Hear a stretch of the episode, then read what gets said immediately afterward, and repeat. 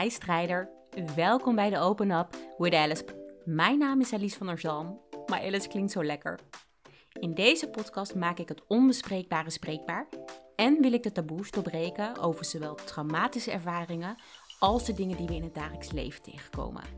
Ik neem je mee in mijn reis en ook in die van andere strijders om jou te laten zien dat een droomleven voor iedereen mogelijk is. Ook al ben je met 5-0 achterstand in het leven gestart. Met de juiste tools en mindset kan je alles bereiken. Welkom bij de Open Up with Alice podcast. Wat leuk dat jij weer luistert. Vandaag staat er een kwetsbaar onderwerp en een gevoelig onderwerp uh, op het menu voor deze podcast. Maar zoals je me een beetje kent als je een aantal afleveringen hebt geluisterd, zal ik het luchtig brengen. En wat ik vooral met deze aflevering wil, is het taboe doorbreken over om te praten over seksueel grensoverschrijdend gedrag. En eigenlijk zou ik ook heel graag jouw mening willen weten. Jouw mening over of jij dit hebt meegemaakt, wat het met je doet als je dit hoort. Ik ben er namelijk heel erg benieuwd naar hoe dit speelt onder, onder de luisteraars. En ik ga je een verhaal vertellen. Het verhaal dat gaat over een gesprek die ik met mijn partner heb gehad, waarbij ik echt, nou ja, uiteindelijk wel in tranen zat, doordat het me raakte wat hij mij vertelde. Het is namelijk als volgt. Ik heb een masseur gehad een tijd. En die masseur is oprecht heel erg goed in zijn vak. Hij is eigenlijk de enige die elke keer de pijn uit mijn rug kreeg. Dus ik bleef teruggaan. En deze masseur kende ik ook via mijn moeder. Dus ik dacht, nou, het is helemaal prima.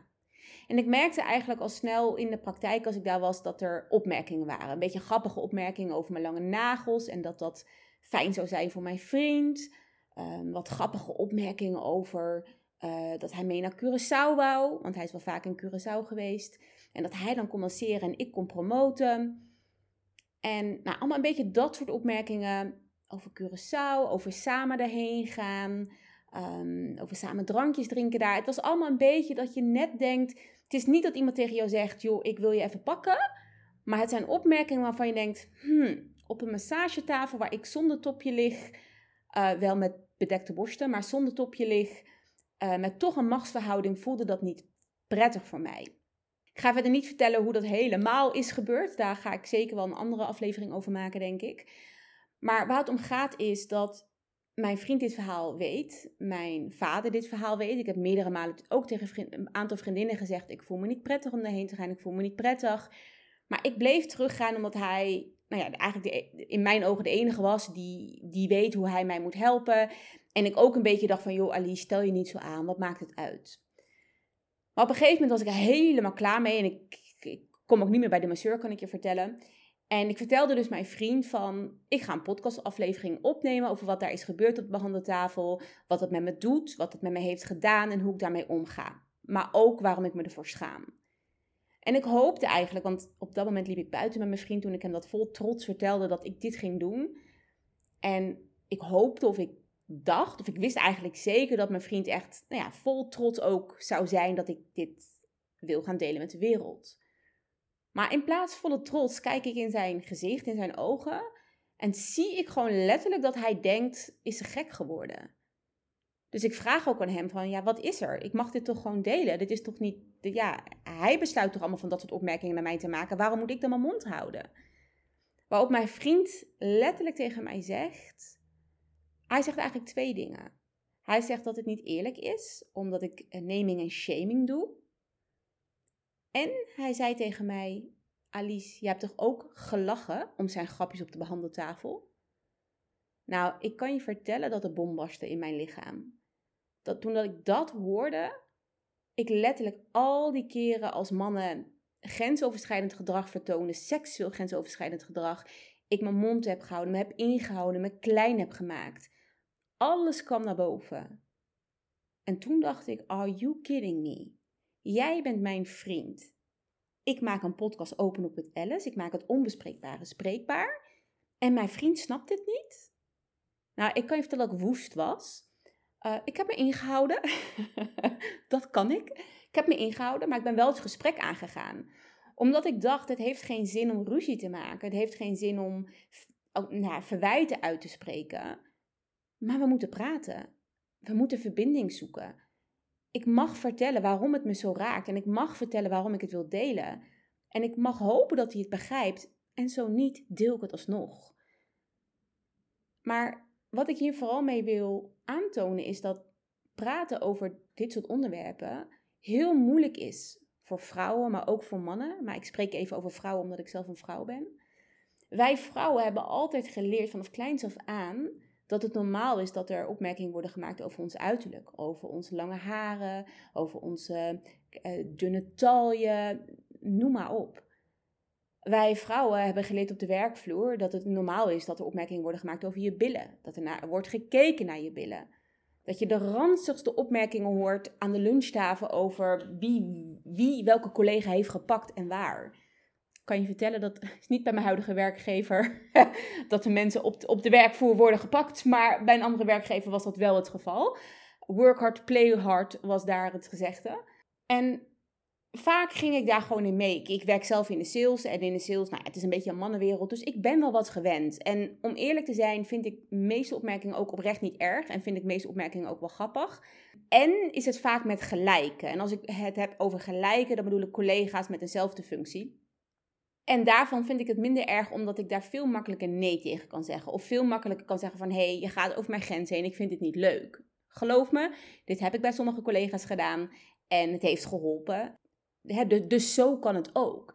Alleen het moment dat een masseur of bijvoorbeeld een manager of uh, nou, iemand in een hogere positie, iemand in een positie die jou moet helpen, zoals een arts, als die bepaalde opmerkingen naar jou maakt, is het voor veel vrouwen en dus ook voor mij heel lastig om nee te zeggen. Want je voelt je al heel snel te veel. Je voelt je al heel snel van, ja, ben ik weer die vrouw die aan het zeuren en aan het zeiken is. En hij bedoelt er toch niks mee. En juist doordat de opmerkingen in een grijs gebied liggen, hè, nogmaals, hij heeft niet gezegd van, uh, ik wil je, nou, puntje, puntje. Ik, volgens mij mag ik die woorden niet uitspreken op deze podcast. Maar alles wat hij zei kwam erop neer dat hij met mij naar bed zou willen gaan. En dat voelde niet goed. Enerzijds omdat hij mijn masseur is en ik daar niet kom voor te chansen. Anderzijds omdat deze man de leeftijd van mijn vader heeft, eruit ziet als mijn vader.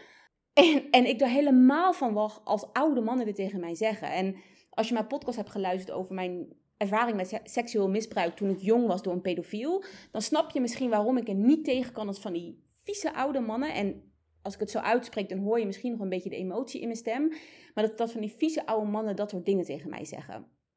Dus het raakte mij. En het raakte mij dat wat er is gebeurd, dat ik het heb toegelaten. Dat ik meerdere malen ben teruggegaan en op die tafel heb gelegen. Maar het raakte mij vooral dat mijn vriend het voor hem opnam. En dat deed me zoveel pijn, want op dat moment voelde ik mij niet beschermd. Op dat moment dacht ik, als er iets gebeurt, is er niemand die mij beschermt behalve ikzelf. En ik ben met hem het gesprek aangegaan. We hebben buiten het gesprek aangegaan en uh, Bin hebben het nog doorgezet. En we hebben er echt, echt over kunnen praten. En ik gaf hem ook aan van, ik zei Kevin, ik zeg, weet je wat ik apart vind? Al die keren dat ik tegen jou heb gezegd wat hij tegen mij zei. Of al die keren dat ik het tegen mijn vader heb gezegd of tegen mijn vriendinnen. Iedereen zei wel dat het raar was. Misschien zelfs dat het niet oké was. Maar niemand heeft tegen mij gezegd dat ik daar niet heen moest gaan. Waarop Kevin antwoordde van, ja, je bent toch een volwassen vrouw? Nou, geloof me, toen werd ik nog woester, want waar slaat dat op? Als jij geliefdes van elkaar bent en jij ziet dat iemand iets doet wat niet oké is, wat niet veilig is, dan bescherm je iemand toch? En deze, deze podcast is niet om te zeggen dat Kevin fout is, of dat mijn vader fout is, of dat mijn vriendinnen fout zijn geweest. Deze podcast is om jou te laten zien dat dit het echte leven is. Wij mensen, en dat gebeurt altijd, dat, heb je ook, ik ga een voorbeeld geven. Als bijvoorbeeld op straat nu een gevecht plaatsvindt en meerdere mensen gaan vechten, dan zal je zien dat heel veel mensen omheen gaan staan en niet de politie bellen. Niet omdat ze niet willen, maar omdat, omdat dat een psychologisch proces is. Dat heet het bystander effect. En wat dat eigenlijk inhoudt is dat je eigenlijk wel verwacht, hoe iemand heeft al gebeld of iemand gaat wel wat doen. Het gaat soort van bijna automatisch dat je niks doet. En er zijn heel veel onderzoeken geweest in de psychologie hierover. En het is dus heel erg interessant om te zien dat dit soort processen eigenlijk automatisch zijn. Waardoor ik het Kevin niet wil kwalijk nemen of andere mensen niet wil kwalijk nemen. Maar waardoor ik wel extra bewust ben dat ik iets moet doen in het leven. Dat het bij mij ligt. Ik kan hopen dat zo'n masseur verandert. Ik kan hopen dat mijn partner zegt: Alicia gaat er niet heen. Of ik ga met je mee en ik sla hem in elkaar. Dat is wel heel erg overdreven trouwens. Maar je begrijpt wat ik bedoel. Maar hopen op iets wat van buitenaf moet komen, heeft geen zin. Het enige wat ik kan doen en wat jij kan doen, is de controle zelf pakken. En dat begint met lief zijn voor jezelf. Het begint met Alice, weet je, gewoon tegen mezelf te praten van Alice, het is oké. Jij bent niet schuldig aan zijn opmerkingen. Ja, je hebt meegelachen omdat je niet wist hoe je moest gedragen, omdat je je ongemakkelijk voelde. Het is oké. Ik mag lief zijn voor mezelf. Jij mag lief zijn voor jezelf. Om daarna de volgende stap te zetten en te bedenken wat je ermee wilt. Wil je die persoon confronteren? Wil je gewoon de afspraken afzeggen en niks meer laten horen? Wat wil je? En misschien vind je de opmerkingen geweldig en blijf je teruggaan. Mag natuurlijk ook, hè? dat is voor iedereen anders. Maar dit gaat even over seksueel grensoverschrijdend gedrag. Hè? Dus dat betekent dat je dat niet prettig vindt. En ik heb uiteindelijk wel gekozen om te confronteren. Ik ben de confrontatie aangegaan via de WhatsApp, dat moet ik er wel bij zeggen. Omdat ik gewoon vond of vind dat wij vrouwen veel vaker mannen feedback mogen geven. Ik, ik vind oprecht, en misschien is het een beetje een heftige uitspraak, maar ik vind dat ook heel veel dingen bij vrouwen liggen. Ik kan, even kijken hoe ik dit ga zeggen. Ergens heeft Kevin gelijk. Ik heb meegelachen. Ik kan niet verwachten als ik meelach dat een man snapt dat ik het niet leuk vind. Dat ligt bij mij, dat ligt bij de vrouw. En ik zou het ook niet willen dat een man zich nu altijd gaat inhouden als hij bij me is, want anders is Alice, weet je, eh, voelt ze zich niet fijn of niet veilig. Het ligt bij mij om dat aan te geven. Maar ik vind wel bij zijn functie dat het hoort dat hij het überhaupt niet doet. Maar stel je voor dat hij die functie niet had gehad, hè, dus het is een gelijke, dan vind ik nog steeds dat hè, als er iets gebeurt, zijn twee mensen twee schuld. Het ligt bij mij, het ligt bij de vrouw om aan te geven dat je het niet prettig vindt. En het ligt bij de man om het misschien zelfs een keer te vragen. Of het ligt bij de man om ook even te reflecteren van wat zeg ik nu eigenlijk tegen een persoon? Vindt iemand dat echt leuk? Lacht iemand omdat iemand het echt leuk vindt of, of omdat iemand zich zo ongemakkelijk voelt dat ze zich geen houding weten te geven? En ik denk als beide partijen een beetje naar het middenweg gaan, naar de middenweg gaan, dat het er al veel beter uitziet in de wereld. Ik geloof niet dat een man altijd schuldig is aan wat er gebeurt. En ik geloof ook niet dat een vrouw altijd schuldig is aan wat er gebeurt. Ik geloof dat we samen schuld hebben. En ik geloof ook dat er nog heel veel te doen valt op dit onderwerp. En vooral omdat mijn eigen partner dit onderwerp niet begrijpt. En dat doet pijn. Dat doet echt heel veel pijn. Want het liefst wil je support hebben. En ook jou wil ik meegeven, als je dit herkent, je bent niet alleen. Je bent echt niet alleen. Ik heb een geweldige, lieve, zorgzame partner en ik zou geen ander willen. Maar hij is niet perfect. En in dit stukje mag hij nog groeien. Dit is een stukje wat wij van vroeger hebben meegekregen, hè? de man- en de, en de vrouwrol. Het is eigenlijk normaal als man zijn om zo te praten tegen een vrouw. En dat is jammer. Ik merk dat ik het best spannend vind om dit op te nemen, omdat het een onderwerp is wat, wat lastig is om te bespreken. En ook omdat ik er een hekel aan zou hebben als mensen dit horen en denken: Oh, nou bij Alice moeten we oppassen met wat we zeggen. Want dat is oprecht niet zo. Nou ja, als je een arts bent, dan wel. Dan moet je gewoon je mond houden over uh, dat je op meisjes valt met staarten in hun haar en dunne taljes die van broodjes frikandel houden. Dat heeft hij namelijk letterlijk gezegd toen ik op zijn tafel lag en ik een staart in mijn haar had en vertelde dat ik van broodjes frikandel hou. Ja, weet je, dat soort opmerkingen moet je gewoon niet maken. En ik doe niet aan naming en shaming. Ik ga je niet vertellen wie die man is geweest. Die man luistert waarschijnlijk geen eens mijn podcast. En ik hoop ergens stiekem van wel, want misschien leert je er iets van. Maar ik deel dit stukje met jou om jou te laten zien dat één, mijn relatie ook niet perfect is. Kevin ziet er perfect uit, maar onze relatie is ook niet perfect. En twee, om jou echt eerlijk met jou te zijn dat ik ben 34, ik heb zoveel meegemaakt. Ik praat heel openlijk over alles. En zelfs mij overkomt het nog dat ik gewoon meerdere keren naar een massagetafel ga waar, waar er gewoon echt niet oké met mij wordt omgegaan. Dus wees niet te streng voor jezelf als jij nu nog steeds in een situatie zit die eigenlijk niet goed voor je is of die niet veilig voor je is. Je komt eruit, dat beloof ik je. En het begint om met naar jezelf te kijken. Om van jezelf te houden. Om je eigen grenzen te kunnen voelen. En als iets niet goed voelt, is het niet goed. En het interesseert me niet wat. Al is het die collega die elke maandag zegt dat je broek er wel goed uitziet en hij kijkt naar je billen. Als jij dat niet wil, mag jij opstaan en aangeven dat je die opmerking niet fijn vindt. En dat is wat ons vrouwen te doen staat. Wij kunnen wachten tot mannen veranderen, of wij kunnen zelf de verandering waarmaken. Ik kies voor het laatste. En ik weet dat het oefenen is. En ik weet dat het waarschijnlijk nog heel vaak gaat gebeuren dat het me niet lukt. Maar ik weet ook dat, het dat er heel veel keren gaan zijn dat het me wel lukt. En voor die keren doe ik wat ik doe. Je moet ergens beginnen om verandering mogelijk te maken in je leven. En ik ben begonnen. En ik hoop dat jij vandaag begint. En als ik je iets kleins mag meegeven, als je denkt, ja, waar moet ik beginnen? Ga dan eens zitten en denk eens na wat je wel niet prettig vindt. En ga aankomende week één keer, één keer, zeg nee. Zeg nee of zeg een afspraak af. Of zeg ho, stop tot hier en niet verder. Of zeg niks en cancel het gewoon waar jij je veilig bij voelt. Maar zeg nee. Zeg nee tegen een ander, zodat je ja tegen jezelf zegt. En blijf praten. Ik zeg altijd praten is belangrijk, maar na het gesprek met Kevin, met mijn partner, weet ik nu nog meer dat praten belangrijk is.